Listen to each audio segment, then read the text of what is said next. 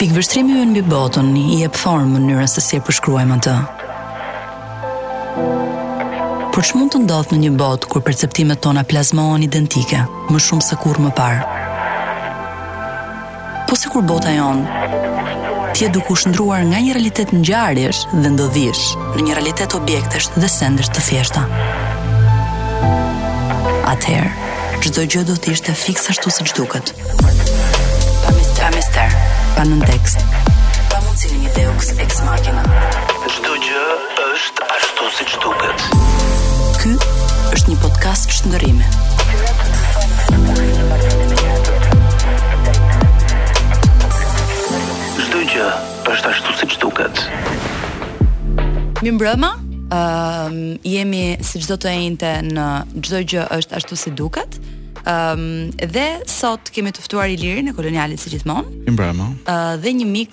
tjetër shumë special, uh, Ledian Selimajn, të cilin do ta prezantojmë më tutje për cilën arsye e kemi ftuar në studio dhe çfarë do të flasim. Ilir, si je sot?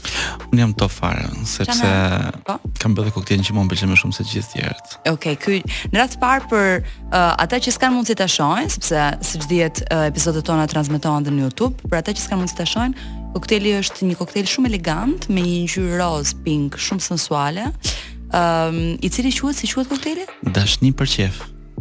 Dhe emri do thoja shumë seksi. Ë, uh, si është historia e këtij kokteli? Ti e ke e ke pagzuar, po, po. e ke krijuar vetë, na trego pak. Po shiko, po flisnim një natë për uh, për atë elementin e, e dashnisë. Mm -hmm. Edhe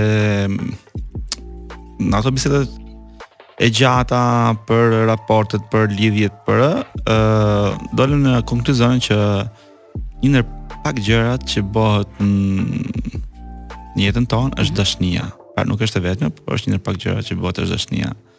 Edhe meqenëse po pinim. Në sensin që bëhet me qejf apo që bëhet në çfarë sensi që bëhet? Që bëhet me qejf. Që bëhet me qejf. Po. Okej, po. Edhe ë uh, po, bashkëndaj. Ëh. Mm -hmm. mm -hmm.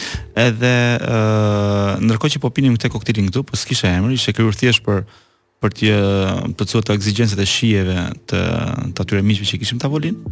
e pagzuam me emrin dashni për qef. Edhe e keni futur tashmë e keni futur në listën e koktelit. Po, është një nga koktelet që është ngaqë edhe emri është pak provok jo provokues, mund të jetë provokues, por që i jo jo normal, domethënë, jo jo i përditshëm. Mm -hmm. Pra nuk sepse ne jemi mbase edhe një popull, po në përgjithësi njerëzit Kohëve tona këto fjalë që që nuk përdoren në mënyrë të hapur, i bën më interesante dhe kërkojnë atë koktelin shiko atë si ka ai kokteli për qejf, por nuk e thojnë dashni, nuk e kuptoj pse nuk e thojnë. Ka po një që- lloj, ka një lloj ka një stepje, autocensure. po, ka një stepje. Po diskutohet sepse dihet që edhe historikisht, domethënë në faza mbas një censure shumë të gjatë, që i ka tabuizuar disa koncepte, që në fakt është gjynaf që konceptet e dashnisë është kthyer në koncept tabu. ë edhe gjatë komunizmit, domethënë që përdorej më shumë ti di shumë mirë me konotacion politik, ishte një dashuri për atdheun, një dashuri për partinë, po dashuria midis dy njerëzve ishte realisht më shumë e proklamuar se sa e aktualizuar. Ëm tashi vjen një valë që është vala e autocensurës. Ti që e provove koktelin Ledian, çfarë mendon për këtë koktejl? Të pëlqen mm, si, më pëlqen shumë, ka shumë refreshing freskues. Është i ëmbël, po në masën e duhur, edhe mm -hmm. përveç ëmbëlsisë ka dhe shije të tjera që e bëjnë pak mistik, pak të veçantë shija e citrus, është shija citrus ajo që bën, mm. është e fshehur, shija e citrus. Nuk e gjen Në fakt edhe edhe ngjyrën, kam idenë mm. që duhet t'ia japë pak citro këtë si ngjyrë që ka apo jo. Po, kjo është e bërë me citronë kuq, por që i plotësuar me me shijen me me ekstraktin e trëndafilit. Shumë bukur, shumë interesante që në Kolonial gjithmonë ke mundësi të gjesh realisht koktejle që përveç faktit që janë krejt të veçanta nga të tjerët, edhe në emrat që kanë, ë, janë emra që janë emra tërheqës. Megjithatë unë doja të flisnim për një gjë shumë të vogël tani që ju kam të dyve në këtë moment në studio. Ëm, që në fakt është një konotacion interesante. Prandaj mua do më duhet ta zbuloj Ledianin që tani për cilën arsye e kam ftuar. Ledianin e kam ftuar për lidhjen e vet me fitnessin, ë uh, përveç ë um, punëve të tjera me të cilat Lediani merret në Danimarkë, që janë punë të tjera zyrtare me sa di unë, ti merresh me data science. ë uh, pra me përpunim të dhënash për bankat. Vërtet. ë uh, megjithatë ti në Shqipëri je dhe instruktor fitnessi dhe je themelues i një palestre fitnessi i cili ka një koncept krejt tjetër.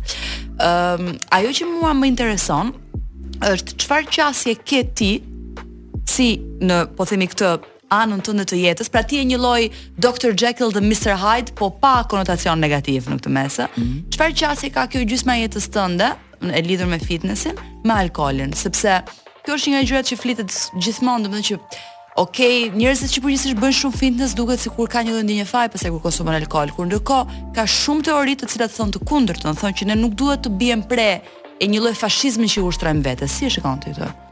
Po, pyetja është shumë me vend. Um, un u bë ca kohë që praktikoj fitness, nuk jam si tu sportist profesionist ose diçka kam pasion dhe praktikoj si profesion të dytë. Um, si si çdo gjë tjetër në jetë asgjë nuk e shoh bardhë dhe zi. Domethënë, un pi alkol, nuk është se pi alkol. Mm -hmm. uh, normalisht kam gjetur balancën e caktuar. Um, nuk konsumoj me masë të madhe, konsumoj rrallë herë, për shembull ky koktel, ja vlen ta konsumosh, pa e pasë mendjen fare, kështu që Çdo çdo njeri duhet të gjejë balancën midis gjërave që bën, nuk ka nuk e bëj këtë ose nuk e bëj atë. Megjithatë në jetën time ka qenë një periudhë që nuk kam pirë fare alkool, ajo ka qenë para se të trajnohesha për një maraton të plot. Edhe nuk kam pirë asnjë gllënkë alkool për 4 muaj rresht. E kuptoj. Po ajo ka pas një drejtim specifik. Ë, uh, Ilir, Ti si përballesh me këtë lloj përmase, pra me njerëz të cilët thonë që ne e kemi problem konsumin e alkoolit sepse duam të jetojmë një jetë të shëndetshme. Çfarë mendon? Po shiko, kjo është një përditshmëri, Ana, sepse çdo ditë dëgjojmë, por që duhet t'i evidentosh ato të mira të alkoolit. Pra, gjithmonë ashtu siç tha Ledioni, alkooli nuk duhet të pihet në tepri, por mm. alkooli është edhe një tretës shumë i mirë. E qartë. Alkooli është edhe një antidepresus shumë i mirë, sepse ka njerëz që janë të depresionuar, Edhe një gotë, thjesht do do e kthejë një hap më më në brendi të, të situatës. Po, jo, çështja është për shembull që unë e besoj këtë gjë. Një nga arsyet pse ne kemi dëshirë ta kemi Ilirin në program dhe gjithmonë valorizojmë një koktel specifik është pikërisht kjo. Për t'u dhënë njerëzve me kuptuar që nuk ke nevojë për të për ta shijuar alkoolin mjafton të provosh gjithmonë gjëra të reja, për shembull ose edhe koktejle të punuara mirë po i quaj unë, ë dhe që janë interesante. Pra, ideja e pijedashjes nuk lidhet me sasinë e konsumit të alkoolit, se sa lidhet me vëmendjen ndaj alkoolit të mirë. Në fakt unë jam mbase një nga ato të paktat uh, lokale mm -hmm. që nuk dua që klienti të pijë më shumë se sa dy gota. Ashtu ë? Pra po është mm, sepse do do humbasë edhe edhe edhe shije, pra nuk do ndjesh, mm, më shumë shije.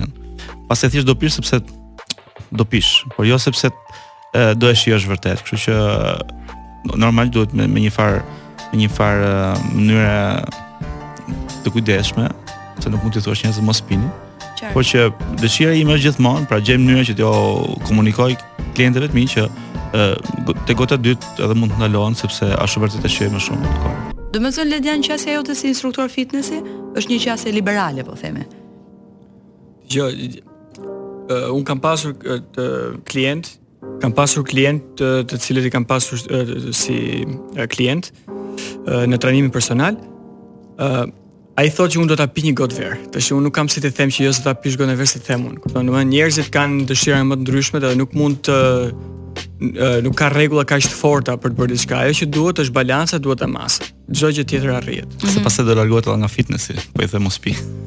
Ku nëse bëhet stresante, kupton, e vërtet, shumë e vërtet, nëse bëhet stresante që okay, s'dua të vik këtu se unë dua të gotën, domethënë krijohet edhe një lloj marrëdhënie pak e tensionuar, stresuese dhe nuk shkojmë te rezultati final që duam. Po, domethënë rezultati është që njeriu të ndjehet mirë me përmasën e vet personale, po themi trupore, por në të njëjtën kohë të mos jetë po themi diçka e cila ja kushtëzon jetën sociale. Pikërisht. Ndjesia në fund ditës është ajo që e shtyn njeriun të ndjehet mirë dhe të vazhdojë ta bëjë atë gjë. Dhe fitnessi duhet të jetë diçka ëm um, e dëshirueshme për të bërë, kështu që s'ka pse të ndaloj gjëra të tjera në jetë për të bërë. Mund t'i bësh gjitha gjërat duke gjetur balancën e duhur.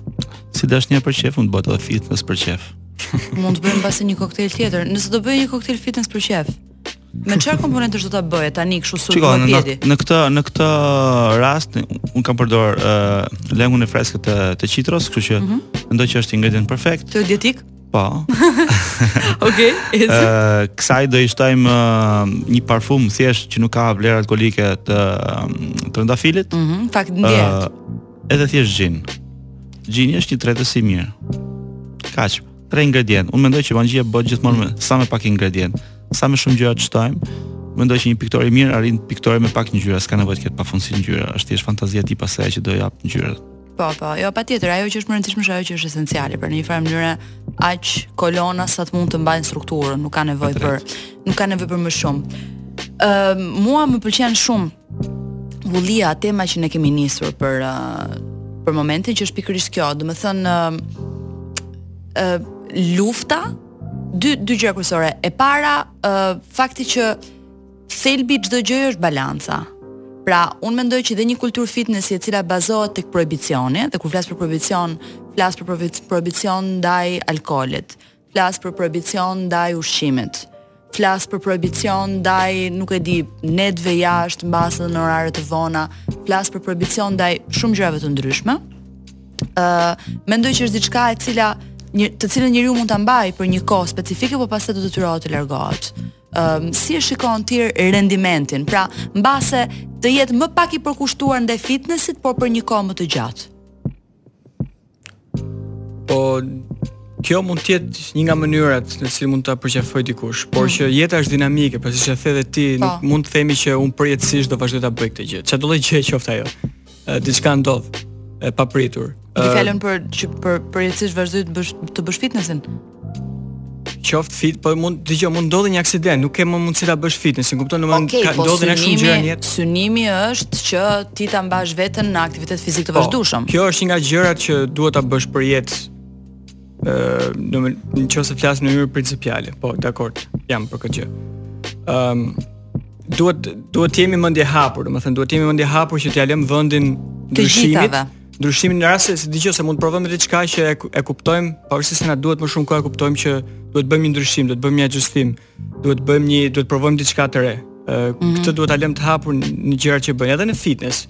Fitnessi ka shumë mënyra të ndryshme si bëhet. Mund të fillosh duke provuar një gjë, nuk të përshtatet ty sepse çdo trup është i ndryshëm, çdo trup reagon ndryshëm, gjenetika është e ndryshme, atëherë duhet provojmë diçka tjetër. Mhm. Mm Unë e kisha më shumë për masë psikologjike. Ti Ilir për shembull, Të ka ndodhur ndonjëherë për klientë ose njerëz që ankohen ëm ehm, um, që me nuk e di, nuk mund të bëjnë bashkë, po themi dhe jetën e shëndetshme, ku përfshihet fitnessi, edhe jetën e natës? Po një bartender gjithmonë ka të bëjë me njerëz që rrëfehen në një farë mënyre, kështu që kjo është e shpeshtë. ë uh, janë gjithë ato edhe pak më parë se të hynim në program, një nga koleget e tu, tha që ka 5 ditë që e ka lënë alkoolin edhe nuk do të të të të tentohet pi alkool sepse do fillojë atë jetën e tij të fitness. Por që e di që ai do prap do përfundoj tek unë pas ca ditësh të tjera. Unë mendoj që nuk është e drejtë që të ndahen, se në fund fundit qoftë se ti mendon, e, është si ajo ideja, të shohim, nuk jam kundër këtyre dietave super healthy, po vë re që njerëzit bëjnë dieta, bëjnë fitness, pastaj pas 3 muajve maksimumi kthehen prapë të njëjtët. Të po. njëjtët kile me të njëjtën. Për këtë po thonim pra që le të mos i marrim gjërat me një aksion Bravo. drastik duke përjashtuar edhe qefet që kemi në jetë, që... por le të gjejmë një mënyrë se si këto t'i bëjmë bashk. Eksakt. Edhe qefin ta bëjmë, edhe trupin tonë ta mirëmbajmë, edhe të shëndetshëm të jemi. Ëm dhe mundësisht ta zgjasim sa më shumë kohë derisa të jemi pleq. Liro, të falenderoj shumë që ishe sot. Tek ne si. U kënaqëm shumë si gjithmonë. Faleminderit. Do shihemi prapë të enjten që vjen bashk. Patjetër. Me një koktel tjetër, po kaq të veçantë. Me një ngjyrë po kaq të bukur, që mua nuk më lën ta them në transmetim direkt se si çfarë ngjyre është, megjithatë ju të gjithë mund ta merrni me mend tani që unë insinuava. Do e shohin në YouTube. Do e shohin në YouTube. Faleminderit shumë, pafshim. Uh, tani do të shkëputemi për një pauzë të shkurtër publicitare dhe pastaj do të rikthehemi prap me Ledianin për të folur pak më shumë mbi mosbesimin tim shpesh ndaj praktikave të fitnessit, jo si shëndet në vetvete, se sa si kulturë masive. Ledian, Unë të falenderoj që ti ke ardhur sot me ne. Kjo është një temë që mua më pëlqen shumë dhe në të njëjtën kohë për mua është një sfidë, sepse unë vetë do thoja që nuk jam njeriu i duhur që mund të flas për këtë temë. Uh, unë hyj tek ajo kategori njerëzish që mund në jetën e tyre mund të kenë dhjetra abonime të nisura dhe të bitisura para të hedhura në plehra. Ë uh, mund të jem lloji i njeriut që ka nisur në një moment të jetës gjysmën e sporteve që ekzistojnë në këtë botë dhe që eventualisht i ka lënë të gjitha. Uh, dhe e vetmja gjë me të cilën unë e kam ndier veten time mirë sa i takon shëndetit po dhe humbjes në peshë kur kam patur nevojë ka qenë ecja e gjatë. me ritëm të shpejtë, do thoja që është një nga gjërat për shkakun nga cila unë nuk heq dot dorë. Edhe një nga arsyet për shembull që ta dish pse unë nuk marr makinë, përveç pjesës së ndotjes së ambientit e të tjera që unë vërtet e besoj. ë uh, dhe faktit që unë gjithsesi më duhet të përshkoj distanca shumë të shkurtra për të shkuar qoftë në punë, qoftë në vende të tjera, është fakti që unë nuk e imagjinoj dot të heq dorë nga ecja e mëngjesit për të shkuar në punë. Domethënë në cilën unë kam dhe rastin të dëgjoj lajme, gjëra me kufje etj etj. Ëm, um, thënë kjo, Unë dua të flasim për këtë temë. Ti je një njeri shumë interesant. Në fakt, pyetja ime e parë është si ka mundësi që një njeri i cili ka studiuar inxhinieri softwaresh, pastaj ka punuar në sektorin e inxhinierisë së naftës, tani punon në përpunimin e të dhënave në banka, vendos në një moment dhe jeton në Danimarkë, në një nga vendet me mirëqenien më të lartë pavarësisht se me taksat më stratosferike që ekzistojnë, duhet thënë dhe kjo. Ëm, uh, si ka mundësi që ti vjen këtu dhe më thua mua që unë dua të merrem me t'i mësoj shqiptarëve kulturën e fitnessit. Cili çfarë mekanizmi luan rol? Ëm, uh, mendoj që mekanizmi kryesor është pasioni. për fitnessin. Okej. Okay. Mekanizmi i dytë është dhe fakti që duke qenë jashtë ndjenjat për vendin tënd shtohen shumë, edhe do që të japësh një kontribut sado modest. Me vërtet, është shumë klishe kjo? Është klishe, po kjo është e vërteta ime. Okej, okay, kjo është e vërteta jote. Bukur. Ëh. Ëh, kështu që këto janë dy drivers për mua. Kanë qenë. Okej. Okay. Dhe ti vendos, sigurisht vendos të fillosh ta ushtrosh uh, këtë edukimin tënd të fitnessit këtu. Ëm um, Ajo që mua më intereson është të di kur ti ke vendosur ta ndërmarrësh këtë hap këtu. Çfarë mendon që nuk ka shkuar me industrinë e fitnessit në Shqipëri. Domethënë, çfarë ishte gabim në industrinë e fitnessit në Shqipëri, ose, ose çfarë mungonte, e thënë, mbase në mënyrë më të butë? Po, uh, mendoj që është ka shumë gjëra që nuk shkojnë siç duhet. Mm -hmm. Ka edhe gjëra të mira, po fatkeqësisht shumica janë gjëra të këqija. Ëh, uh, Unë faktikisht idenë e fitnessit e kam diskutuar me një shokun tim në një mm -hmm. vend të Europës që kemi qenë dhe aty lindi si ide dhe pastaj u zhvillua, u konkretizua. Mm -hmm. Dhe një nga uh, gjërat kryesore ishte fakti që uh, palestrat uh, nuk ofronin kushtet e nevojshme të krahasueshme me ato palestra që ne shkonim uh, anti atje ku jetonim. Okay, po. Qoftë për sa i përket profesionalizmit të instruktorëve, qoftë për ambientet, qoftë për llojin e pajisjeve, qoftë për strukturimin e abonimeve etj etj etj shumë shumë gjëra të ndryshme mm -hmm. që mhm. në thelb na bëri të mendonim që ok, në qoftë se vijmë me një ofertë të re me kaq shumë gjëra ndryshe, me vërtetë që do bëjmë një ndryshim. Po. Edhe mendoj që e kemi bërë mbas kaq shumë kohësh. Ok, ti mendon se e keni bërë mbas kaq shumë kohësh. Ajo që mua më intereson është të flasim pak për këtë gjë. Ëm um, Ju unë ju kam dëgjuar në disa intervista që keni dhënë dhe keni folur për një qasje që është një qasje e cila shkon çik dhe në rrënjë të fjalës gym. Në rrënjë të fjalës gym është fjala gjimnastikë, kjo që është një fjalë me mhm. prejardhje greke. Ëm um, që qëndron në rrënjë dhe të fjalës gjimnazium etj etj, po ato janë derivate të tjera sepse Popujt e lashtë, ne siç e dimë mendonin që mendja e shëndetshme është në një trup të shëndetshëm. Kjo është një shprehje latine shumë e famshme. Ëm um, dhe uh, këto kanë qenë hapësira që kanë qenë si arena të mëdha, ku praktikisht uh, po themi praktikoheshin ushtrime që ishin me peshën e, e vetë trupit. Mm -hmm. Okej? Okay? Ë uh, me sa kam dëgjuar unë, kjo është një filozofi dhe një model që ju keni marrë për ta sjellë në Shqipëri. Vërtet. Ë uh, duke qenë që masivisht në Shqipëri ka qenë dhe vazhdon të jetë një kulturë e cila në mos gaboj unë është në predominancë kulturë ushtrime me vegla. E vërtetë. Po. Ëm um, vegla statike. Me vegla statike, të cilat duhet thënë që janë kryesisht lindin në Amerikë në mos gaboj si industri ë uh, gjimnastike dhe janë po themi një nga mënyrat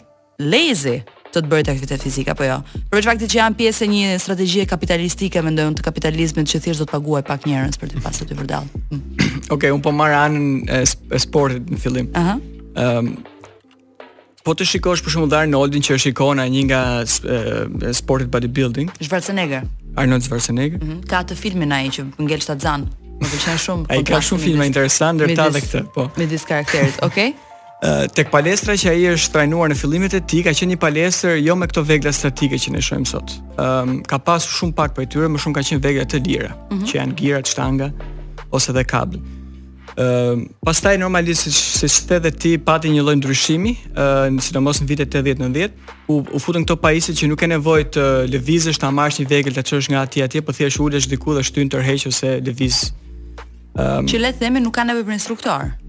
Nuk ka nevojë për instruktor sepse ato kanë ato uh, skemat ku e tregojnë shumë qartësisht dhe shumë e lehtë për ta kuptuar ça duhet të ndodhi. Ë uh, Kjo përdoret më shumë pastaj nga për bodybuilders, ë uh, edhe ata shpenzojnë shumë kohë tek këto vegla statike. Edhe ata bëjnë vegla uh, të lira, ë uh, por më shumë statike, sepse izolimi i muskulit Shokimi i muskulit të izoluar me peshë shumë të larta çon në zmadhimin e madh të muskulit. Prandaj kjo përqafohet shumë nga bodybuilders. Si sport.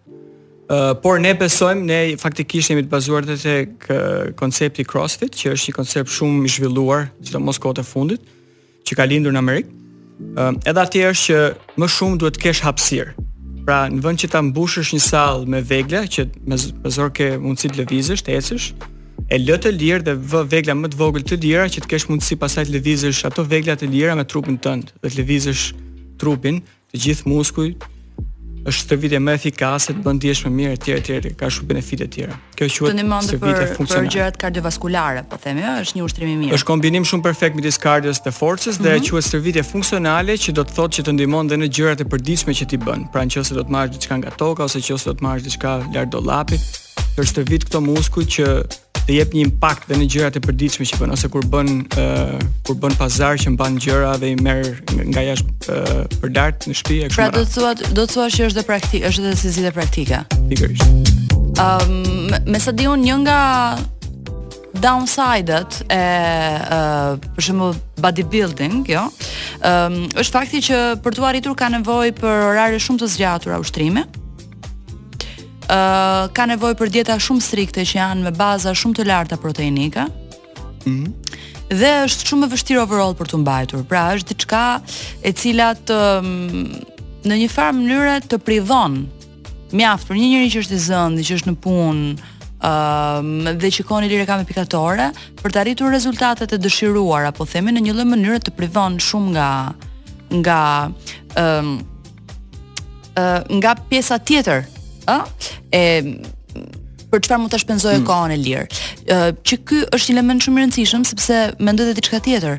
Dhe kjo është një temë në cilën unë do doja që të ndalonim pak të flisnim për faktin, duket sikur në Shqipëri dhe nuk e di çfarë mendon ti për këtë njerëzit e asociojnë uh, konceptin e fitnessit me më shumë me bukurinë se sa realisht me shëndetin. Mm, kjo mendoj që është e vërtetë. Dhe prandaj mendoj që shpesh përqendrimi i tyre është më i lartë sa i takon pjesës së bodybuildingut se sa të gjimnastikës, sepse uh, bodybuilding i jep efekte që janë shumë të dukshme, domethënë ato muskujt e tejfryrë me radhë. Ëm, um, mendon që kjo mund të jetë përparësia po, fakti që nuk mendohet si shëndet? Ka një lloj përplasje midis tyre dyjave, pra bodybuilding uh -huh. dhe uh, fakti të qenit siç thoshe ti ndoshta jo funksional, uh mhm. -huh. por ë uh, me pamje të mirë dhe anës tjetër që je funksional dhe ndoshta jo aq i madh, që është kjo stërvitja e crossfit ose funksionale. Tash këto gjëra që the ti për gjëra negative të bodybuilding duhet ta specifikojmë, janë për ata që e praktikojnë në një nivel tepër të lartë këtë. Okej. Okay. Ne në industrinë e fitnessit zakonisht merremi me njerëz që janë si puna jonë që kanë një punë që kanë gjëra të tjera në jetë dhe e bëjnë fitnessin për një arsye pak a shumë tjetër, më shumë për të mbajtur trupin në formë. Për shëndet. Për shëndet, pikërisht, mm -hmm. për shëndet. Ka prej tyre që duan dhe të duken mirë, por normalisht nuk të duken aq mirë sa ç'duket një bodybuilder që ka ushtruar për aq vite. Pra ti po më thua në po më thua që në Shqipëri njerëzit kryesisht shkojnë në palestër për shëndet dhe jo për t'u dukur mirë, përpara verës, meqë jemi edhe në sezon pranveror tani. Te palestra jonë po, palestrat e tjera. Unë tani po flas në përgjithësi, nuk po flas për palestrën tuaj. ka shumë njerëz që e bëjnë për dukje, e vërtetë është. Po, dhe fakti që numri i abonimeve në palestra rritet në sezonin pranveror, në vetvete do të thotë diçka. Po, sezonaliteti i fitnessit është diçka në gjithë botën, si duhet ta specifikoj. Mm. Përveç vendeve ndoshta që janë ë për shembull Kaliforni që është gjithë kohën ngrohtë, ndoshta nuk vërehet ky në Spanjë, në Tel Aviv. Me radhë. në vende të tjera se e shoh dhe atje ku jam që ka një lloj sezonaliteti. Ëh. Uh -huh. Këtu është tepër i theksuar, është si t'thush ekstrem. Po, këtu uh, është 9 muaj suflaqe, pastaj 3 muaj.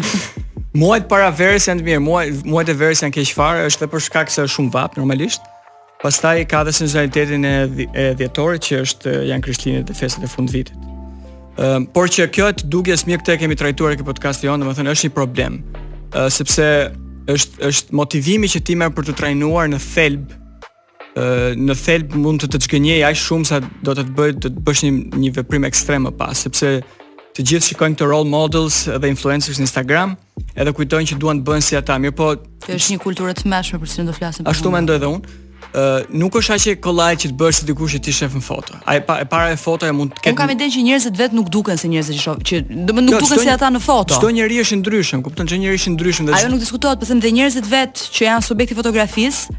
Po t'i shofësh një orë më mbrapa, nuk duken si fotografia në cilën kanë dalë, pjesa më e madhe e njerëzve. 100%, 100%, po ne po them atë.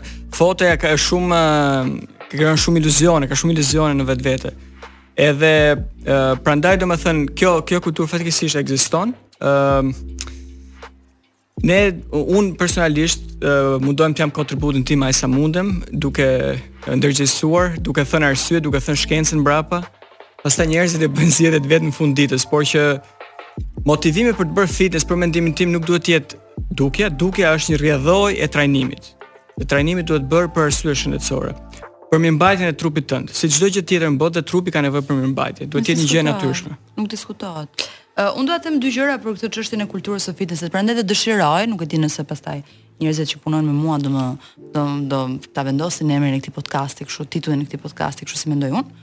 Ëh, uh, por unë dëshiroj të vizatoj, domethënë për për ta ndarë dhe me ju këtë gjë, konceptualisht një linjë ndarëse mes fitnessit dhe asaj që është kultura e fitnessit. Dhe prandaj dua ta titulloj podcastin Fitness versus Kulturë e Fitnessit. Sepse unë mendoj që janë dy gjëra shumë të ndryshme, janë të lidhura, por kanë marrë një jetë krejtësisht të mëvetësishme të dyja.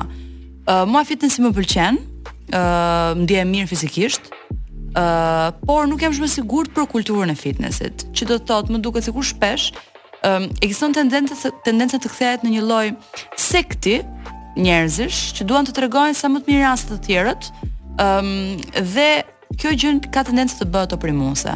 Jo vetëm kaq, por dhe linguazhi, zhargoni që përdorin, rreth parë herë kanë ato 10 fjalë që i përsërisin në pafundësi, që duket si një lloj brainwashi masiv si automa që dalin nga një furrë dhe qarkullojnë. Po t'ia shikosh hashtaget janë të llahtarshme, no pain no gain, not quitting, I'm not looking over my shoulders. Ëm, uh, çka sa më kujton dot një tjetër? Nuk e di se nuk e di, nuk jam. Uh, nuk e ndjek në Instagram. Unë i shoh herë pas here. Ëm, um, dhe struggle Uh, mm, nuk nuk e di marrin ca shprehje të Muhamed Ali, si vjen aty, Mike Tyson, një gjithë një film e me radhë.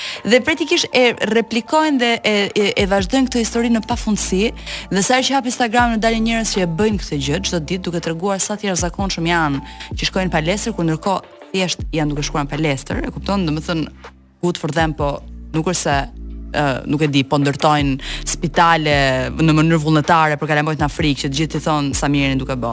Dhe kjo lloj kulture në thelb leteralisht një kulturë shumë toksike sepse mbi të gjitha unë mendoj që çon përpara një koncept që është një koncept shumë i dëshiruar nga bota moderne që është koncepti role role modelit. Role modeli për mua është një ë aberracion në sensin që ti ta shesësh veten tate si sukses dhe tjerët duhet marrin shembull nga ti, është absurditet, sepse të gjithë ne kemi një mënyrë krejt speciale dhe tonën për të qëndruar në botë dhe për t'u relacionuar me njerëzit. Dhe mbase ajo që funksionon për mua nuk funksionon për ty, më kupton? Dhe mbase ajo që është gjë shumë e mirë për mua nuk është gjë shumë e mirë për ty. Dhe ka shumë mënyra për të qenë njeri i mirë, ka shumë mënyra për të mësuar për të dashuruar, ka shumë mënyra uh, për ta interpretuar dijen, ë, çfarë është dije. Për shembull, uh, stërgjyshja ime ka pas katër klasë shkollë, po unë vazhdoj mendoj që ajo është një nga njerëzit me urtinë më të madhe që unë kam njoft në jetën time. Me këtë dua të them që koncepti që aplikohet për role modelin në vetvete është një koncept i gabuar. Unë nuk mendoj që ne duhet t'i ambalazhojmë gjërat si mjete suksesi. Për këtë arsye, Edhe kjo historia që unë sa hap Instagram gjithë shof njerëz që fillojnë dhe më opresojnë me numrimin e kokrrave të orizit që sa kanë ngrënë sot dhe sa do hanë nesër. Kjo unë nuk mendoj që është healthy, madje tek unë krijon efektin e kundërt Ledian, nuk e di si e shikon ti këtë gjë. Mua më duket sikur unë nuk kam lidhje, nuk kam të bëj me këtë lloj komuniteti, ky nuk është komuniteti im. Okej. Okay. Ehm um, Jam dakord me një pjesë të madhe të gjërave që Por jo me të gjitha. Që përmendë, jo me të gjitha. Ide e di pse e bëjnë këtë gjë. Domethënë, arsyeja pse e bëjnë këtë gjë është për motivim. Okej. Okay? Jo, arsyeja pse e bëjnë këtë gjë është për t'u vetëlëvduar, po, nuk është për po motivim. Po thoya për këto hashtags, për për këto uh, Nuk është ashtu, hashtaget i bëjnë që të jenë pjesë e këtij komuniteti imagjinar. Po, tani problemi më i madh që jam dakord me këtë që e bëjnë për veten e tyre në fund të nuk e bëjnë për asnjë njeri tjetër. Jo, e bëjnë për veten e tyre. Është ndryshe. Po. Problemi tjetër që kam unë me këtë është që shumë prej këtyre që sa më shumë by the way, ky është problemi i Instagramit. Kjo kjo gjëja ka lind mbas Instagramit. Po, po. Është domethënë është bërë boom prej Instagramit. Patjetër, po. Që shpesh herë pyes veten, ok, po mos kishte Instagram ç'do bënin gjithë këta njerëz. Po nëse ajo është histori tjetër. Jo, po duhet të them që nëse, domethënë, Në sensin tek fitnesi ka gjetur një ushtri shumë të madhe njerëzish që e bën këtë gjë. Pak të tilla, shumë pak ushtri të tilla mund të ekzistojnë në Instagram përveç kësaj. Të tipet janë ata që reklamojnë rroba, dakord? Janë ata që reklamojnë ushqim. Po që prap nuk janë kaq automa, nuk janë kaq të unifikuar sa ata që reklamojnë fitness. Nuk e mua më bën përshtypje, gjitha hashtaget e këtyre njerëzve janë njësoj thonë të njëjtat gjëra. Mm. Ëm uh, problemi më i madh që kam unë është që shumë nga këta njerëz, pavarësisht se janë unik në atë që janë, janë të veçantë, domethënë jo ne nuk mund të të dukemi si një person tjetër, e thashë më parë. Ata mendoj që bëjnë dhe gabime në gjërat që bëjnë sepse janë persona që nuk kanë njohuri siç the dhe ti. Këtë urtësinë që ti përmendë nuk e kanë. Dhe unë madje mendoj që arsyeja pse konformohen shpesh pas këtyre hashtageve dhe shprehjeve, është që literalisht nuk kanë njohurinë e fitnessit, no, mënyrën se si funksionon trupi. Po, ky është problemi më i madh. Mirëqenia që lind nga fitnessi. Dhe mund të them ëm um, po shikoja më parë një person që bënte meditation duke e ndarë me të tjerët në Instagram dhe thonte bëni meditation si unë meditation është që duhet të rrish pa bërë asgjë. Kupton? Po jo, ajo është një kredhje. Se këtë e bënte video dhe e ndante me të tjerët që bëni me atë meditation si unë. Shumë absurd. Ajo është një kredhje shumë shumë e vështirë që kërkon një vetëpërqendrim të brendshëm të jashtëzakonshëm që një periudhë që verën që shkoi, që unë fillova ta të praktikoja meditim, dhe mbaj mend që ka qenë diçka e cila kërkon realisht maksimumin e përqendrimit. Ëm um, dhe uh, kur shkoja në plazh në jug, ë uh, bëja e bëja gjumin me dy transha. Zgjohesha një herë në 5 të mëngjesit për të bërë meditim në breg të detit. Dhe mbaj mend që tmerri më i madh ishte që kur kridhesh në meditim një herë mua më ndaloi një mizë a grenzë, nuk e di çfarë ishte në ballë.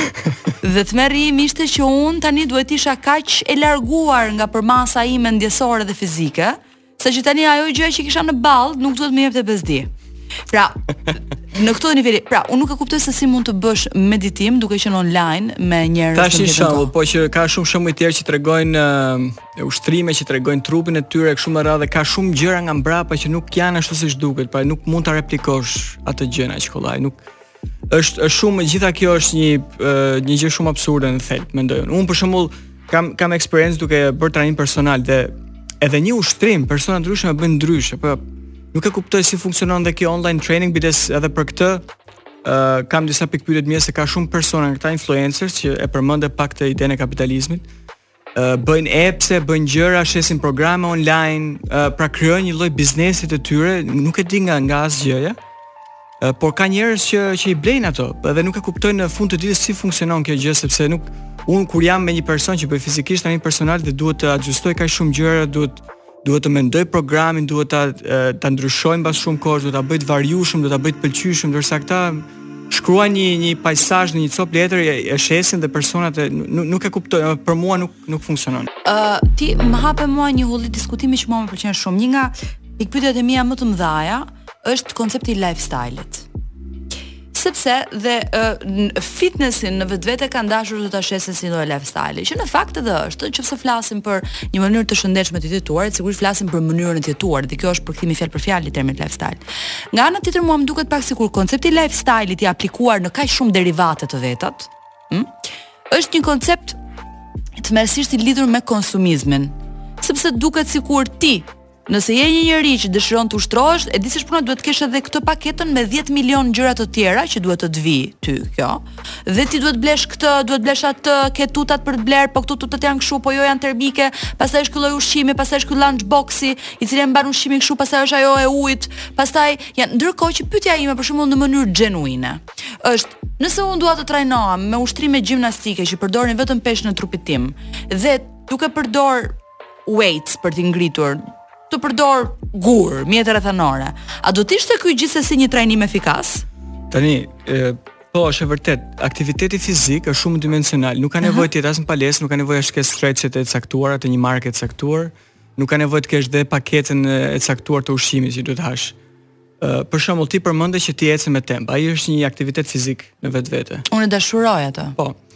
Aktiviteti fizik mund të jetë vrapi, mund të jetë biçikleta, mund të jetë noti, mund të jetë crossfit që është një një një një varietet që është e dashur po është gjë më e vështirë që kam parë. Ka njerëz që jetojnë në në vende alpine bëjnë shumë ski, bëjnë cross country skiing, bëjnë gjëra të për gjitha këto janë pjesë të të qenit aktiv dhe Uh, lifestyle-i duhet të jetë në atë formë që për mendimin tim duhet të jetë lifestyle, por nuk duhet të mendohet sikur është një lifestyle që unë e shpik tani e krijoj tani dhe e mbaj. Po vetëm aq që you have to to tick the box. Kjo është ajo që mua më bezdis. Duhet të provosh gjëra të ndryshme, duhet të gjesh atë gjënë që funksionon për ty në fund të ditës. Çfarë qasje kanë shqiptarët me provën ndaj gjërave të ndryshme, ndaj gjërave të reja? Uh, nuk uh, ka një qasje shumë të çuditshme, do thoja, uh, ose nuk kanë qasje fare. nuk kanë. Si kur ke pas telefonin në Kosovë dikur që ka qenë telefoni i fikur thoshte, abonenti i kërkuar nuk ka qasje në rrjet. ja, unë mund të them nga eksperienca ime që uh, tek palestra jonë ne nuk kemi këto uh, nuk kemi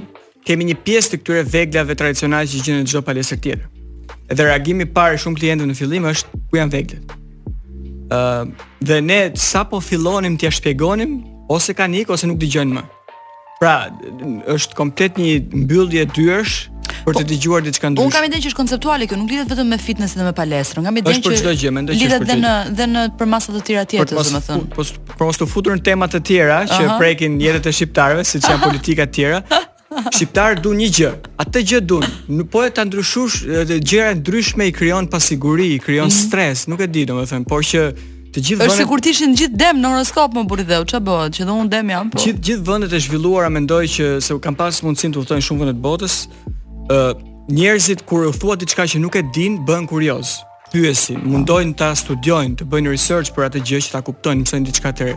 Ndërsa në Shqipëri më duket sikur kjo gjë nuk funksionon. Po, po t'i thuash diçka të re një personi, ai ndihet i, i ngurtë, ndihet o po po si nuk e di unë këtë gjë dhe nuk nuk është më i interesuar të mësojë diçka të re. E njëjta gjë ndodh edhe për fitnessin. Po mendoj që problemi i i fitnessit në Shqipëri rrjedh akoma edhe më më përpara që kur jemi fëmijë e kështu me radhë. te kultura që në moshë të re, domethënë sepse që aty duhet është është si thua ne lajmë dhëmbët sepse është pjesë e mirëmbajtjes të higjienës. Është e njëjta gjë për fitness. Pra duhet bëjmë fitness sepse është një gjë normale që ne bëjmë për trupin tonë. Po Në Shqipëri kjo nuk nuk është. Nuk është e kam vënë që uh, nuk e di pse duket si një përmasë pak e parëndësishme e edukimit të fëmijës. Për shembull, uh, nuk e di si funksionon tash me brezat më të rinj, Po, unë mbaj mend që në brezin tim, ëh, mm, uh, ishte shumë e lehtë të sakrifikohej uh, futbolli, baleti apo çdo lloj sporti i fëmijës në momentin që ai në mënyrë fare fare fare fare fare fare të vogël niste të paraqiste një lloj rënie në mësime. Uh, dhe mu kjo më duket alarmante sepse Ka mënyra të tjera për të për të uh, luftuar rënien në mësime. Ka diskurse që prindi mund të bëjë, uh, mund të provojë të shkojë në thellësi të gjërave çfarë po ndodh, por sakrifikimi i aktivitetit fizik nuk duhet jetë opsion. Nuk mendoj që duhet jetë po. opsion, sepse unë besoj që si çdo gjë, siç është leximi në këtë rast, se unë vij nga përmasa e kulturës, Edhe leximi në thelb është një muskul i cili stërvitet në fëmijëri. Dhe pastaj ti krijon atë që quhet habit, zakonin. Dhe ti pastaj nuk di të jetosh ndryshe. Dhe ndihesh keq kur fillon dhe nuk bën aktivitet fizik për një periudhë, fillon të dhemb shpina, ke probleme të tjera njësoj siç është me leximin, jo që duket sikur je i zbrazur dhe nuk po përballesh me ide të reja me radhë. Pra, këto kam idenë, mënyra e të jetuarit, një mënyrë të jetuarit të shëndetshme është diçka e cila edukohet që në fëmijëri. Që do të thotë nuk është se nuk është se oh nëse fëmija ka marrë 9 te provimi i matematikës tani hidhe futbollin në plehra, hidhe basketbollin në plehra se punë e madhe. Kupton mund t'ia dalë dhe pa këtë. Jam shumë dakord dhe problemi mendoj që rrjedh në mënyrën se si edukohen, ë, uh, si edukohen fëmijët shqiptarë që që në shkollën fillore, në gjimnaz, ë Ne të dy me sa di kemi bërë, unë kam bërë edhe shkollën fillore dhe tetëvjeçaren dhe gjimnazin në Shqipëri dhe Edhe unë kam bërë por ora fiskulturës ishte orë pushimi. Ora ora fiskulturës ishte orë kot, pastaj ishte fiskulturë, pas fiskulturë kishte matematikë dhe fizikë. Domethënë nuk e di disa gjëra të këtilla që janë absurde në në design. Janë design flaw. Ëm um, mendoj që me, mendoj që sistemi edukativ uh, konceptin e fitnessit e ka e ka eliminuar komplet, por është një gabim shumë i madh për shoqërinë në përgjithësi, sepse po të shikosh sa njerëz kanë probleme shëndetësore sot që janë, që janë diabeti dhe dia, diabeti dhe problemet e zemrës, që janë dy probleme që janë të lidhur me stilin e jetesës. Shqipëria ka shifra alarmante në në këtë aspekt. Dhe domethënë mos mos uh, dizenjimi i kulturës fizike që në fëmijëri, në fund të ditës do sjellë këto pasoja kaq të mëdha për shoqërinë në përgjithësi. Pra problemi është është goxha serioz. Uh, duhet të marrë duhet të marrë një lloj attention, një lloj uh, vëmendje në një në një kohë të caktuar. Por mendoj që nëse fillon që fëmi do do zhvillohet akoma më shumë dhe do jetë tamam lifestyle. Por siç e shoh tani ka shumë pak njerëz që po, kanë lifestyle. Çfarë mund të bëhet Ledian mendon ti? Unë mund të them rastin tim. Ma thuaj rastin. Rasti un për shembull Dhe kam qenë në këto kurset që fillojnë dhe mbarojnë kështu, sa hap e mbyll sytë janë basketboll, janë futboll, janë këto. Po, si kurset e mia të panumërta. Po. Nga të cilat kam më mbeten vetëm tip raketat e tenisit që nuk i përdor kurrë, një top i harruar në katin e 10 të dollapit. Ë, uh, un për shembull e kam zbuluar pasionin për fitnessin mbasi lëviza në Danimarkë sepse mënyra më e mirë e transportit në Danimarkë është bicikleta. Po. Dhe për të lëvizur nga vendi ku jetoja për të shkuar në shkollë, mënyra më e shpejtë, më e lirë. U harrova unë ti je ai që ka fiksim te bicikletat Bianchi, bicikletat italiane. Jo Bianchi, jo, s'kam, no, jo domosdo Bianchi, po racer bikes, po. Okej. Okay. Bicikleta është pasioni më i madh. Uh -huh. Fakt, faktikisht aty është zhvilluar gjithçka. Edhe aty filloi duke bërë biçikletë 10 kilometra, 20 kilometra, 30 kilometra në ditë shkonte. Pashë një se isha mbi peshë, shumë mbi peshë. Ë pashë një rënie të paparë peshe, pa pa pa ndryshuar një gjë të madhe, si më thënë se thjesht biçikletën e shikoja si mënyrë transporti, domethënë nuk e kisha këtë idenë që obobo si do shkoj ta bëj atë se është e vështirë. E kështu me radhë thjesht e bëja, kisha E kisha të mirëqenë faktin që do e bëja. Edhe që aty pastaj fillova të bëja indoor cycling, fillova të bëja gara me biçikletë etj etj etj, filloi duke u zhvilluar pasioni. Por që u prezantova me të, këtu e kam, domethënë, edhe edhe fëmi, edhe në fëmijëri, fëmijët duhet të prezantohen me diçka që ta që ta krijojnë këtë pasion dhe që ta përqafojnë dhe që ta bëjnë. Ndërkohë që në Shqipëri më duket sikur ka disa mangësi, nuk e di tani se un kam vite që jam shkëputur dhe nuk e di si është sistemi arsimor dhe fitness, po kam përshtypjen që nuk akoma nuk kanë ndonjë zhvillim. Po, kam parë që të paktën infrastruktura sikur ka filluar të rregullohet pak dhe ajo është një nga faktorët që ndikon me që ra mhm. fjala. Sepse kur ke fusha jo të mira, kur ke infrastrukturë të vjetruar, domethënë nuk ke edhe nuk ke incentiv që ta bësh diçka. Megjithatë vërtet gjëja më e mirë do kishte qenë që shkollat të funksiononin realisht si qendra komunitare. Në sensin që mbas orarit zyrtar, pse jo, secila nga strukturat ë uh, e infrastruktura pikërisht e sportit, palestrat e tjerë e tjerë, fushat e me radhë, të mund të qëndronin të hapura edhe mbasdite për t'u përdorur nga fëmijët, po jo vetëm nga fëmijët, edhe nga të rinjtë në vetvete. Mendoj që ëm do kishte qenë vërtet një hap shumë cilësor edhe për njerëzit që mbase nuk kanë mundësi mm, të abonohen në një palestër, sepse gjithsesi ajo është një farë shpenzimi, po themi. Unë unë me vërtet adhuroj sportin dhe mendoj që nëse do bënim këtë gjë një, një benefit tjetër që do merrte shoqëria në përgjithësi, është edhe zbulimi i talenteve që në fëmijëri. Pra, mu mund të zbulojmë shumë shumë sportistë. Shqipëria ka sportistë shumë të talentuar. Pa. Po. Por duke qenë që nuk bëhet rekrutimi që fëmijë, mund të jetë një problem edhe në këtë aspekt. E kanë të vështirë ta zhvillojnë pastaj, sepse e, sigurisht dikush mund të ketë një talent, por varet në mënyrën se si e zhvillon atë. Edhe sa bie në sy, sa mirë di të marketohet, pastaj me radhë pra për t'u ngritur deri në nivele më të larta. Ledia, ta bëj një pyetje pse të gjithë ata që merren me fitness kanë një tendencë për t'u sjellë pak si Dalai Lama. që japin fillojnë domethënë është gjithmonë një in between uh, gjë mes të qenurit uh, um, i dhënë mas fitnessit edhe shprehjeve të, të guruve të ndryshëm um, urtive popullore ka një do ta specifikosh pak do të thuash një shembull për shembull për këtë sepse mund të jetë mund të jetë shumë dimensional kjo, po mund të ta shpjegoj, ta kuptoj tamam në fillim. Ti e ndjer vetë kështu apo pse mendon? Do të thotë jo, në çfarë jo, aspekt e mendon? Unë nuk jam ndjerë kështu. Unë nuk jam ndjerë kështu. Unë thjesht kam vënë re që um, kultura e fitnessit online ka tendencën që të asociohet edhe me um, këshillat për një jetë më paqësore mbi këtë glob. Mm. Kam idenë që ajo që i ka bërë të dyja bashkë, këto është yoga. e cila është parë si një ushtrim që stimulon qoftë përmasën fizike, qoftë atë shpirtërore. Ëm, ehm, edhe pastaj ka qenë shumë seksi për t'u lëshuar si gjë, e kupton? Okej, okay, tani e kuptova pak më mirë. Atëherë për jogën nuk kam ça të flas shumë, me thënë të drejtën. Këtë yoga është tek kultura yogi që quhet, domethënë që janë pikërisht që thua ti. Prandaj them pra, kam idenë që ajo ka qenë pika e afrimit që i ka afruar njerëzit që merren po. me sport ose me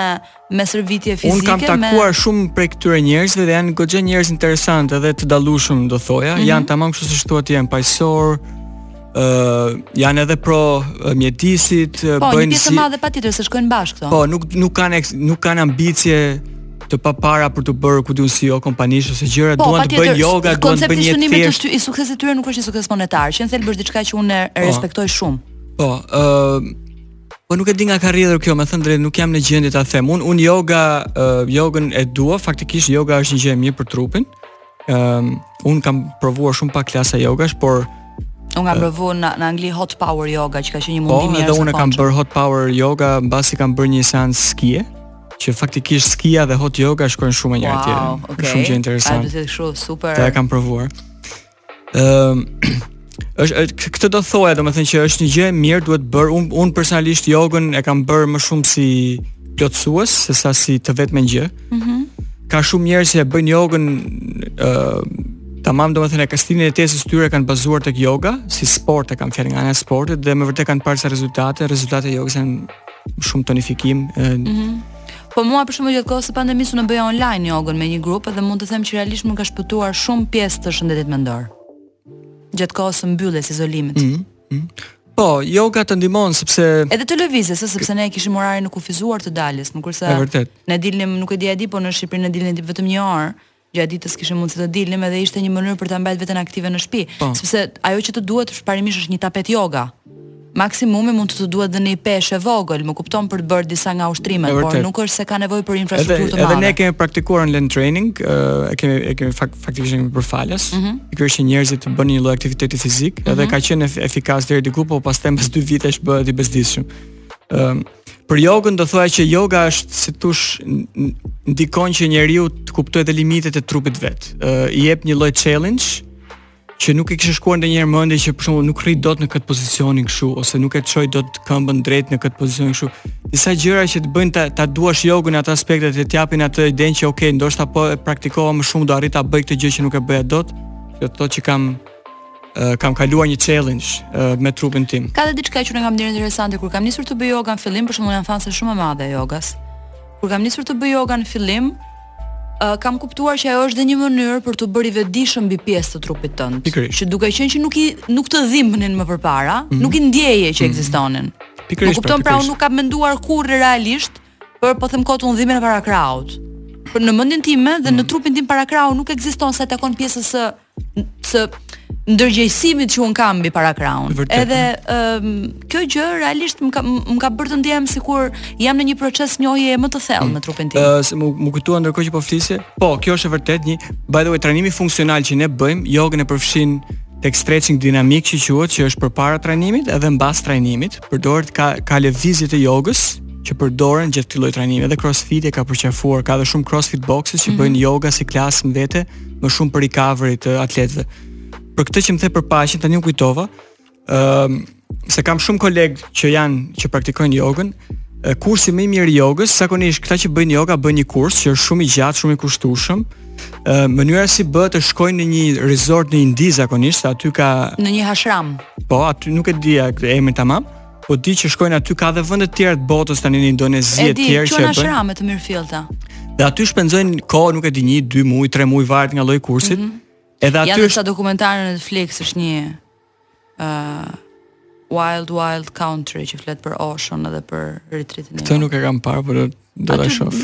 Degjenerojnë pak gjërat megjithatë. Okay. Jo, këtë të paqes kur ma the e lidha sepse Këto bëhen më shumë në në kulturën e budizmit. Kultura budiste është një kulturë paqësore. Janë të lidhura patjetër. Edhe ndoshta nga kjo ka lidhur, pra kur bëjnë këto kurset që han vegan, bëjnë vetëm yoga, bëjnë vetëm meditim, ndoshta u imponohet kjo ideja e paqes, e qetësisë, jo e konfliktit e kështu me radhë, ndoshta prandaj janë ndërlidhur me njëra-tjetrën, mendoj, nuk e di. Shumë interesant. Ë, uh, unë dua të të pyes cilët janë mitet më të mëdha rreth fitnessit. Oh. Disa nga mitet më të mëdha rreth fitnessit. Ka zakonisht shumë. Po dua që t'i breakësh down në një mënyrë që janë mund të jenë edhe të kuptueshme për ne të gjithë që nuk jemi profesionistë. Oh, ah, okay. Mitet. Cilat janë gjërat më absurde për shembull që ti kërkon, që ti dëgjon që kërkohen? Po dëgjoj, ë miti më i madh për shembull është që Personat duan që të bien në peshë për një javë ose për një muaj. Po jo do ishte e tmerrshme për shëndetin mbi të gjitha. Ajo është e pamundur në radhë të parë. Po, okay, edhe po të ishte e paqëndrueshme, komplet e paqëndrueshme. Ka shumë probleme të lidhura me atë me me atë lloj dëshire. Kjo është një mit i madh. Ë Mit tjetër është për shembull që po kapa një peshë me dorë do bëhem i madh. Edhe ky është një mit i gabuar. Që do frym, do do Po. Do më fryhet. Po do do më thënë do më zmadhohet. Po po po them, do më thënë nëse marr një gir po them 3 kilçe. Po. Thonë që do bëhem i madh. Nuk funksionon ashtu, do më thënë që të bëhesh i madh duhet të bësh, duhet të kesh kaluar shumë kohë, duhet të kesh bërë shumë përsëritje, duhet të kesh shtuar peshën etj etj etj. Pra nuk funksionon tamam ashtu. Okay. Ndoshta mund të marrësh një benefit siç është tonifikimi, mm -hmm. që s'duhet të jetë një gjë për të pasur frikë, por bërja i madh është shpesh shumë e ekzagjeruar. Ë, uh, tjetër, këto të dyja janë kështu, të parat fare që që dalin gjithandej. Po ça ka tjetër të shohim? Kanë dhe për këto të peshave e përmenda ëm um, tjetër si ç'të them. Duhet të më provokosh pak që të vijnë më shumë. Këto të dyja janë ato që janë gjithmonë që i dëgjon domethënë. Si si false beliefs po themi. Shiko, ë uh, ne siç e dini ne gjithmonë sigurisht i ndërtojmë pak emisionet përpara se këto duken si biseda të lira, por në fakt Ëm um, ne flasim pak a shumë gjithmonë për çfarë do flasim dhe kjo në fakt është një respekt ndaj njerëzve që na dëgjojnë në thelbë që nuk i lëmë situatën thjesht në dorë të improvizimit. Ëm um, njëherë kemi fol kur um, menduam ta bënim këtë podcast bashkë. Ëm um, ti në fakt Sot je shumë serioz, në fakt je një njeri që në përgjithësi je shumë funny. Edhe ëm um, mua kjo më ka pëlqyer gjithmonë nga ti, domethënë, sepse për faktin që je funny dhe një njeri që je kontrovers, në sensin që disa gjëra i thua ashtu siç e mendon, pavarësisht se për dikë mund të tingëllon ofenduese. Tani le të themi që në botën e politically correct, ku të gjithë jetojmë, mendoj që çdo gjë që themi eventualisht mund të jetë ofenduese për dikë në një rajon të botës, mm. më kupton? Por ideja është që ne nuk duhet të kemi frikë sigurisht edhe nga një minimum sensi humori, sepse uh, tallemi me veten, tallemi me të tjerët, kjo është okay. Ëm uh, vetëm jo tallje si ai tek Oscari. Ja. Nëse këtu ndahemi sepse edhe kjo ka qenë një ka qenë një diskutim shumë i madh që ndante në një farë mënyre nëse reagimi i Will Smith ishte një reagim i egzageruar apo jo. Që për mua pa diskutim ishte llahtarisht i egzageruar. Ëh, bashkohem me këtë mendim. Ishte shprehje e një kulture toksike maçiste. Domethënë po donte Jada mund të ishte çu t'i kishte ra vetë një shpullë, e kupton, nuk kishte pse e bënte Will Smith për gruan e vet. Megjithatë, kjo është një ky është një tjetër diskutim. Uh, për t'u kthy pak kjo që është funny, mm -hmm. mendoj un, ka qenë gallat sepse ti më ke treguar mua për po themi episodët në po. palestër. Dhe më ke treguar për Çfarë bëjnë njerëzit që të ngrenë nervat në përgjithësi? Cilat janë sjelljet më idiote që bëjnë njerëzit në palestër? Kjo lista është më e gjatë se lista që më pyetë për mitet që po i, ka, i kam buffered. Po për mitet kam idenë që për mitet të kapa pak të papërgatitur. Më kape çik. Ëh, mm. uh, atëherë. Na trego ca nga situata e para kam përmend një për këtë punën e videove. Po. Që deri diku është funny për mua, se të paktën di që e dëgjoj deri në fund çka kam për të thënë, provoje, bles me, me ta thënë që okay, hajde dhe falas për provoje, pastaj okay. hajde mos hajde. Shikoj ky është momenti që unë dua që ti të nxjerrësh gjithë frustrimin tënd, madje të kam dhënë për të pirë. Okay. Okay. Ha. Ëh, Atëherë, CrossFit-i si si si si koncept faktikisht nuk ka pasqyra. Okej. Okay. Pra po të shikosh CrossFit boxes, është thjesht një sallë e madhe. Mhm. Mm vetëm me mure. Okej. Okay. Edhe ne në fillim donim ta aplikonim këtë. Ishte e pamundur sepse kërkesa për pasqyra ishte Po patjetër se duan të shohin si si si pulson uh, ai muskuli i bravanicës. Kjo ishte një. Ë uh, tjetër. Ë uh, përdorimin në përgjithësi të pajisjeve që janë në dispozicion. Mm -hmm. uh, kjo është me vërtet funny sepse ne fakt faktikisht në palestër kemi një masë goxha të madhe të huajsh. Aha. Si turistë, si të huaj që jetojnë në Shqipëri. Se më fal ka turistë që vijnë për turizëm dhe bëjnë palestër? Patjetër. Zot i madh. Ja, kjo është një gjë që unë nuk mendoj dot kurrë që do të. Ata që e kanë bërë lifestyle fitnessin. O zot, okay, si ata që shkojnë me pushime resort dhe përdorin palestrën. Aha. Ëm dhe uh, po të shikosh për nga e kam parë vetë këtë gjë që ne kemi një klasë spinning biciklete dhe mbasi mbaron bicikletën duhet që gjithmonë kur fillon klasa e bicikletës sedilja dhe timoni i bicikletës janë të ulur deri në fund që ti ta ajustosh në gjatësinë tënde të dyja. Kur e mbaron duhet t'i ulësh poshtë dhe ta pastrosh nga djersa biçikletën. Mm -hmm. Këto janë gjëra minimale. Mm -hmm. Por për klientët vendas është një është një gjë ekstra e shtuar. Pse? Sepse ai thotë që unë kam paguar shërbim bëni ju këtë. Mirëpo një huaj që ka bërë të njëjtën klasë, e kam parë vetë, klasën që kam bërë. E bëri vetë pa i thënë gjë fare unë. I çoi në vend e pastroi rregulloi se ne kemi dhe letrën dhe disinfektantin aty gati. Ndërsa një vendas ose duhet t'i thuash ose duhet të zihesh. Po by the way, po i the do të shofi shtrembër atje. Po i the do të shofi si guxon ti. Hmm. Unë do t'i marr paratë e mia dhe do shkoj në një vend tjetër. Domethënë unë personalisht gjithmonë kur nëse e përdor diçka, domethënë dua ta lë siç e gjeta, qoftë në shtëpi, qoftë palestër, qoftë kudo që jam. Domethënë është është diçka që ka të bëjë me kulturën time radhë të parë, nuk ka të bëjë me vendin ku jam. Kjo po është një gjë tjetër që është e çuditshme. Ëh. Mm -hmm në në vazhdimësi të kësaj edhe përdorimin e gjërave, pra ne çdo gjë që e përdorim, e përdorim me kujdes kur jemi në shtëpi. Pra nuk nuk i përplasim, nuk i shtyjmë, nuk i godasim me forcë, kupton? Ka një lloj butësie në mënyrën si i përdorim gjërat, se ato thyhen. Ë Por kjo nuk ekziston domethënë aty, është Pse çfarë i marrin këto macat e pulsëve? Nuk dua ta përgjithësoj sepse ka persona të tillë që që e tregojnë këtë lloj sjellje, nuk dua të them që janë gjithë. Po ka persona që janë gjithë, po elementë të tillë që janë më gazmorët. Që na bëjnë përshtypje, kupton? Mm -hmm. Që i marrin i hedhin kështu në një po. cep. Pikërisht. Problemi tjetër pastaj. Po se duket sikur ato tash duhet t'i qisin lekët që kanë kanë paguar, e kupton? Shumë dhe tash ato kanë paguar. Shumë ndihemi ndonjëherë. Biles ka edhe nga ato që e përmendin këtë gjë që kemi paguar lekët dhe prandaj po e bëjmë ndërkohë mm. që po t'i hysh llogarive del i humbur ai që ka paguar ato lekë se domethënë ajo është një investim edhe ka shumë gjëra nga mbrapa nuk është aq e thjeshtë asnjëherë që të thuash sigurisht nuk është aq e thjeshtë përveç faktit që ajo që të gjithë duam në një farë mënyre është që sigurisht ne nuk duam të mbështesim një kulturë konsumeriste që kapi gjërat, përdori tre herë dhe hidhi pastaj. Më kupton sepse kjo është një gjë që nuk i bën nder literalisht asnjërit nga ne në planetin Tokë. Po po, e çove shumë dark tani, nuk mendoj jo, se ka ndonjë që ka menduar atë. Domethënë sa më pak waste aq më mirë për të gjithë. Sido që të jetë puna, përveç faktit që është respekti për gjënë, mm. radhë të parë, që ajo është diçka që e ka blerë dikush, mund ta përdori dikush tjetër mbas teje emra. Sikurse është edhe fakti dhe kjo s'është për t'u harruar, që pagesa që bëhet, bëhet për shërbimin e klasës dhe bëhet shpesh edhe për orët e punës të asaj pajisje, pra për amortizimin që ajo përjeton në mënyrë të vetvetishme. Po, për punojsin, për vendin, për dritat që përdor vendi për ujin e tjerë tjerë. Ta hedhësh në tokë, t'i kërcesh sipër me të dyja këmbët sepse ti e ke paguar atë për një orë. Jo, kjo. Një tjetër që që është frustruese shpesh herë është pagesat. Kemi probleme me pagesat. Edhe kjo është e çuditshme, zakonisht kultura, domethënë kultura, qendrat e fitnessit jashtë ti ke qenë dhe vetë. Kur abonohesh në një palestër zakonisht jepet karta kreditit dhe ke këtë që quhet automatic payment, domethënë ti e pagun atë shkon s'shkon. Në Shqipëri kjo nuk funksionon, duke qenë që këtu pagesat cash mbizotërojnë. Ëh, mm -hmm. është akoma shumë e vogël numri i qasjes në sistemin bankar. Pra Pikërisht, po ka dhe një mosbesim pastaj që t'i japësh kartën dikujt dhe po, t'i marrë lekët direkt. Po, duhet t'i fusë lekët. Po. kjo ka, nejse, kjo është tem tjetër. Se uh, foli tani tani nga fitnessi doli ajo, doli eksperti bankar. Po, dhe um, është me problem pagesë, domethënë që un vij dhe domethënë duhet të konsumoj një shërbim pa e paguar tani që po e konsumoj, kupton? Mm -hmm. Shiko. Qëllon shpesh herë, qëllon shpesh herë që ne për shembull mbushim muajin dhe kemi pagesa për të bër në fund muajit, ndërkohë që shërbimi është bër atë muaj dhe nuk dua që ta kem pagesën muajin tjetër, do ta bëj atë muaj sepse këtë muaj është bërë shërbim. ndodhin këto lloj gjërash që është pak e vështirë se nuk duhet të të hysh në në konfrontim me klientin, do të thotë mos për po, klientët që janë. Kur je biznes, sigurisht parimisht ekziston një ligj jo e pashkruar i shkruar që që klienti ka gjithmonë të drejtë, sepse është mënyra e Pikërisht. Po, po aty. Megjithatë duhet thënë kjo gjë që kjo lidhet edhe me kulturën e pagesave në përgjithësi në Shqipëri. Unë do të them një gjë mbi nga një sektor tjetër, që është sektori i kulturës, sikur sektori i fitnessit. Dhe ne prap nuk e ke idenë çfarë bëjm për të marrë paret tona. Më duket sikur ai slogani 90-s duam parat tona mbas firmave piramidale. Vazhdon. Vazhdon për secilin nga ne në mikrokosmosin ton.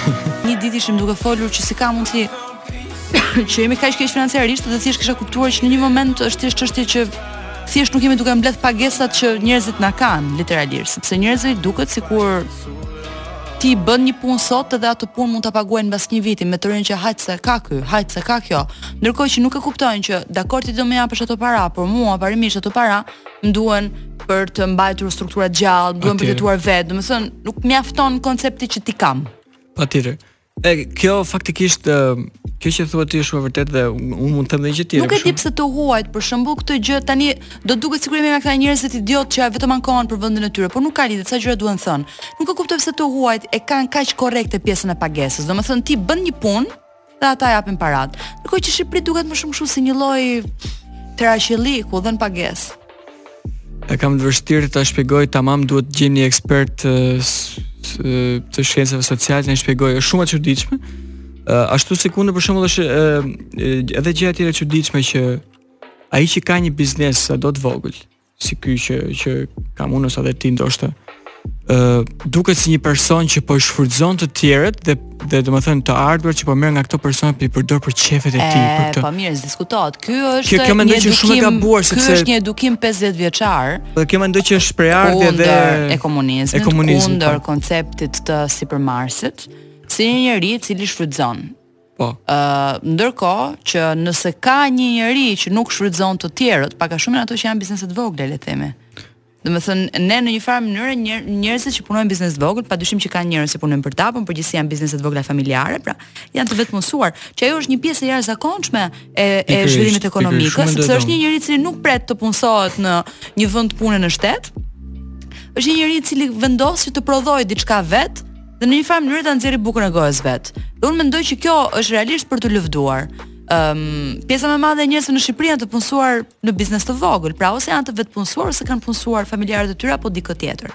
Pikërisht. Uh, kështu që edhe kjo është e vërtetë kjo që the. Domethënë, ka një lloj si stigme të pashkruar, uh, që është shumë e gabuar. Mm. Këtë mund të them, domethënë, këtë duhet të them që eksperienca ime në përgjithësi për këto probleme që kam thënë ka qenë shumë e limituar. Mhm. Mm ë uh, por ka qenë ekzistente rrallë herë ë uh, me individë të caktuar. ë uh, për probleme të tjera që mund të diskutojmë është dhe ky fakti që nuk e di ka ka goxha, domethënë ë edhe mënyra e attitude, pra e, e qëndrimit dhe sjelljes, ë uh, qoftë me ë me klientë të tjerë ose është një lloj ndjesie ndonjëherë që ne i bëjmë i bëjmë klientët të ndihen si në shtëpinë e tyre. Por duhet kuptuar që prapë nuk është shtëpia e tyre. Pra, domethënë ka ka ka një menaxhment, ka një lloj ë uh, ka një lloj investimi që ruhet nga dikush tjetër. Po. Edhe mendoj dhe kjo ndonjëherë bëhet pak me me viza të ndërprera, domethënë sikur e humbet atë e humbet atë kuptimin e saj. Edhe kjo më duket e çuditshme se unë vetë domethënë trajnohem në palestra jashtë kam parë shumë gjithmonë e kam respektuar gjënë e tjetrit, uh, investimin e tjetrit, uh, faktin që jam uh, po marr një shërbim, po kjo domethënë është është uh, puna e një tjetri në fund të ditës. Kështu që edhe këtë edhe kjo është ndonjëherë, domethënë kam dëgjuar komente ose gjëra që që më kanë bërë përshtypje edhe në këtë edhe në këtë sferë. Uh, domethënë gjë tjetër është Ne nuk e di, japim mendime për çdo gjë, domethënë themi kjo s'bën, kjo bën. Ëm uh, janë të gjithë shumë të opinionuar. Duhet bër po. kjo kështu, duhet bër kjo ashtu. Edhe mendoj që kjo është mirë se merr një lloj feedback nga klienti, por është pak e vështirë për ne që të komunikojmë mbrapsht dhe të themi që na dëgjon nëse ne kemi drejtë ose ne e dimë këtë gjë se kemi bër. Ëm pavarësisht se siç thashë ndodh ndodh e izoluar, ndodh shumë rrallë. Ekziston dhe kjo si fenomen i i i i, i vogël në në masë. Këto janë ato që mund të përmblidhen me pak Po, ja, mund të them p.sh. që kemi dhe rezervim, për shembull ne kemi një kemi një një vend të limituar personash që futen në klasë. Po, dhe koncepti i rezervimit nuk nuk nuk klikon te çdo njeri. Pra nuk e kuptojnë që për shembull, nëse ka shumë njerëz që duan të vijnë të hënën orën 6. Mhm. Mm uh, ose duhet ta rezervosh më parë ose do vish në orën 7, ose do vish nesër në orën 7. Jo, do vi të hënën orën 6. Nuk ka vende. Atëherë nuk, domethënë, nuk nuk e kuptojnë këtë këtë gjë që çdo gjë është e limituar. Nëse do ta marrësh beforehand duhet ta rezervosh, nëse s'do ta rezervosh do të zgjedhësh një ditë tjetër, kupton? nuk e kupton që ky nuk është problem i gjësë në vetvete, është thjesht një problem planifikimi, se ka limit. Kur shkon në një restorant luksoz, duhet ta rezervosh përpara. Kur blen një biletë avioni, duhet ta rezervosh përpara. Diskutohet. Me merr sepse ka një ka një limit. Ëm um, Janë domethënë dhe ca gjëra, kështu që duhet, duhet të ngjajnë common sense, po ndonjëherë nuk janë tamam common sense. Uh, unë dua t'ju bëj një pyetje tjetër që këtë e kam shumë merak, sepse kjo është një nga temat e mia më të dashura. Uh, duket sikur është një kategori, në, në për shembull, në fushën e kulturës, po dhe në fushën shoqërore në përgjithësi, është një kategori njerëzish që janë të përjashtuar nga çdo lloj gjëje, që është kategoria e pensionistëve ose të moshuarit. Sa herë që ne programojmë, mendojmë për të bërë një uh, aktivitet kulturor, gjithmonë jemi të obsesionuar për atë moshën target grupin që është 25, 45, ajo është target grupi më tërheqës ose pse jo edhe më të rinj. E kupton? Po më të rinjve përgjithësisht është më vështirë ta bësh sepse gjithmonë njerëzit që punojnë në këto lloje industrish janë më të mëdhenj në moshë, do thotë nuk e dinë as realisht si t'i flasin atyre që janë më të rinjve, sepse nuk i marrin më të rinjtë në moshë, ngaqë nuk kanë eksperiencën e duhur, është një është një cikël i mbyllur. Mm.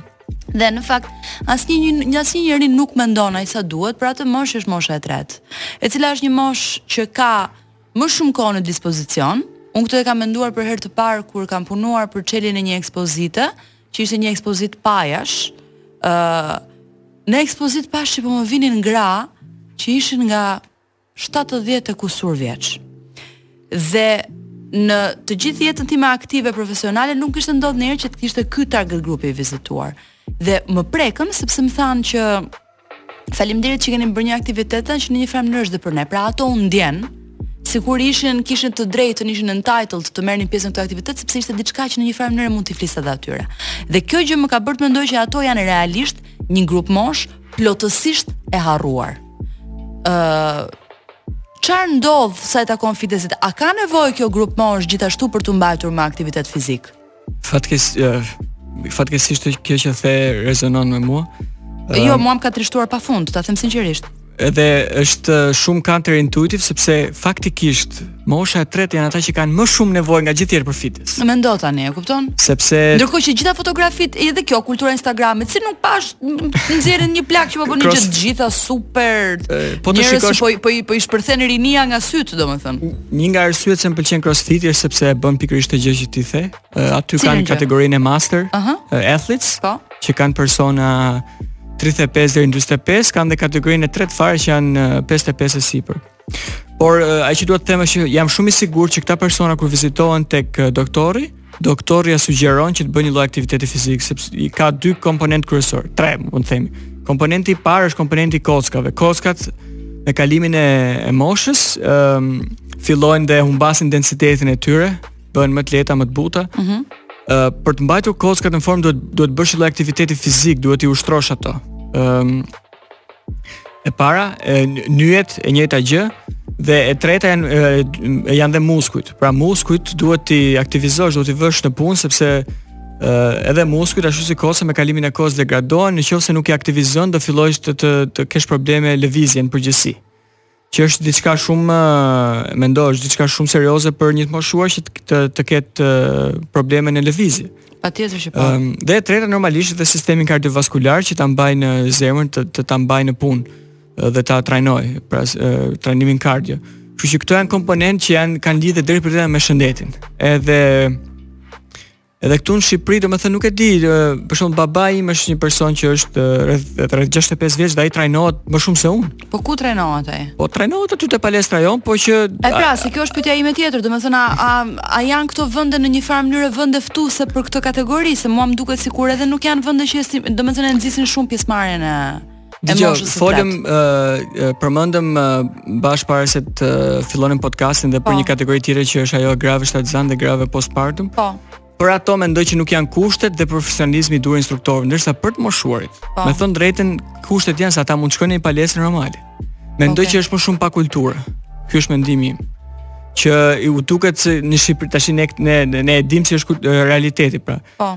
Kur del në pension në Shqipëri ke mbaruar punë, domethënë je kaq ishte. Kjo pra është ajo që më Ndërkohë që jashtë, siç e the dhe ti, kur mbarojnë, domethënë kur dalin në pension janë kaq të lumtur sepse kanë shumë kohë në dispozicion, bëjnë gjithë gjërat që kanë qejf të bëjnë, duke përfshirë dhe fitnessin dhe aktivitetin fizik. Mhm. Mm uh, kështu që këtu mendoj që duhet bërë një lloj ndërgjegjësimi që ata ndoshta mund të bëhet një lloj stimuli që abonimet uh, në palestra të jenë me çmim të reduktuar ose diçka e tillë Uh, por që por që mendoj që është pjesë edhe pak e kulturës, me thënë të drejtën tashi. Shumë është shumë interesant. Mm. Por që është e nevojshme nga ana shëndetësore, kjo është e Është shumë e nevojshme dhe kjo është një nga një nga mesazhet që realisht unë do doja shumë që ne të jepnim sot, është pikërisht kjo, fakti që duhet të fillojmë të mendojmë për hapësirat tona, qoftë hapësirat publike që janë të dizenjuara nga institucione publike qoftë nga hapësira private siç janë bizneset, uh, duhet të fillojmë të mendojmë gjithmonë më shumë për uh, përfshirjen e e moshës së tretë, sikurse dhe për uh, orientimin pra për t'i bërë ata të ndjehen të mirëpritur në këto hapësira. Mm, mm. Sepse unë mendoj që ne mund të flasim pafund duke thënë këtë gjë, por në momentin që ato do shohin një sallë e cila është e mbushur në mënyrë dominuese nga njerëz 20 e ca vjeçar, 30 vjeçar, ë dhe që recepsionistët do t'i presin me një lloj shtrëmbërimi fytyre sepse mbase fotografitë nuk i dalin shumë bukur në këtë kulturën e madhe të fitnessit të Instagramit. ë uh, ne në fakt, në fakt ë uh, predikojmë diçka, po në fakt jemi duke u bërë përjashtues. Mm. Unë të falenderoj shumë që ë uh, ishe sot me ne, u kënaqa shumë. I ti ke një podcast tëndin gjithashtu që unë e kam ndjekur dhe më ka pëlqyer shumë që është fit në shqip apo? Fit në shqip. Fit në shqip, okay. Uh, ku në përgjithësi trajtoni tema që janë uh, tema që lidhen me fitnessin dhe me shëndetin, po në realisht domethënë në aspektin burimor të fjalës dhe jo si një mënyrë marketingu, publiciteti apo propagandizimi. Ja. të kësaj kulture. Edhe të ofrojmë një platformë për sportistët shqiptarë, duhet t'i përmendim dhe ta, sepse mendoj që ka sportistë që janë shumë të talentuar. Të nivelit botëror që, që mendoj se duan duhet t'i suportojmë në një mënyrë. Edhe çfarë më ndodhi një herë një ditë kisha dalë për të pirë, edhe në fakt kisha pirë pak si shumë. edhe ëm ehm, uh, arrita te shkallët e shtëpisë, por kisha një problem se kisha harruar çelësin, kështu që po prisja jashtë derës etj etj. Dhe në një moment dikush nuk e di se kush kishte porositur një ë uh, kishte porositur darkë në këto orët e vona në një nga këto platformat e delivery që janë në Shqipëri. ë uh, Edhe unë se po pija cigare te shkallët, që prapë më lejo të ta them, ju kërkoj ndjesë ju që jeni shumë të dhënë pas fitnessit, um, dhe Po flisja me këtë dhe i thashë lodhesh, më tha mua jo, tha unë bëj biçikletë, nuk lodhem, tha dhe pastaj më tha që unë tha jam filan fisteku dhe kam qenë tha kampion vrapi për nuk e di 100 metërsh, nuk e mbaj mend eksaktësisht sa ishte. ë uh, dhe më kapi një trishtim i jashtëzakonshëm, sepse mendova që një njeri i tillë, i cili ka qenë kampion kombëtar në një moment, mm. ë mm. um, detyrohet të punojë si shpërndarës picash, praktikisht. Dhe në një moment doja që të ishte ndryshe, kështu që kur shkova në fund kur arrita aty në shtëpi dhe shkova në krevat, e googlova emrin. Dhe për fat keq historia vetë ishte e vërtetë. Kështu që me këtë dua të them uh, që një nga gjërat që më pëlqen më shumë është pikërisht kjo, fakti që keni një platformë që jepni zë ë uh, këtyre njerëzve dhe nuk është pak. Faleminderit shumë Ledian që ishe sot. Faleminderit edhe ti. Ne do të dëgjohemi Të enjten që vjen në episodin e radhës të çdo gjë është ashtu si duket. Ëm Ky ka qenë pak ndryshe nga episod, nga episodet e tjera, nuk ka qenë një temë e cila mbase ë uh, mund të duket sikur nuk lidhet në mënyrë të drejtpërdrejtë me kulturën, por lidhet me shoqërinë dhe eventualisht gjithçka që lidhet me shoqërinë lidhet me kulturën. Ë uh, natën e mirë dhe faleminderit që ishit me ne.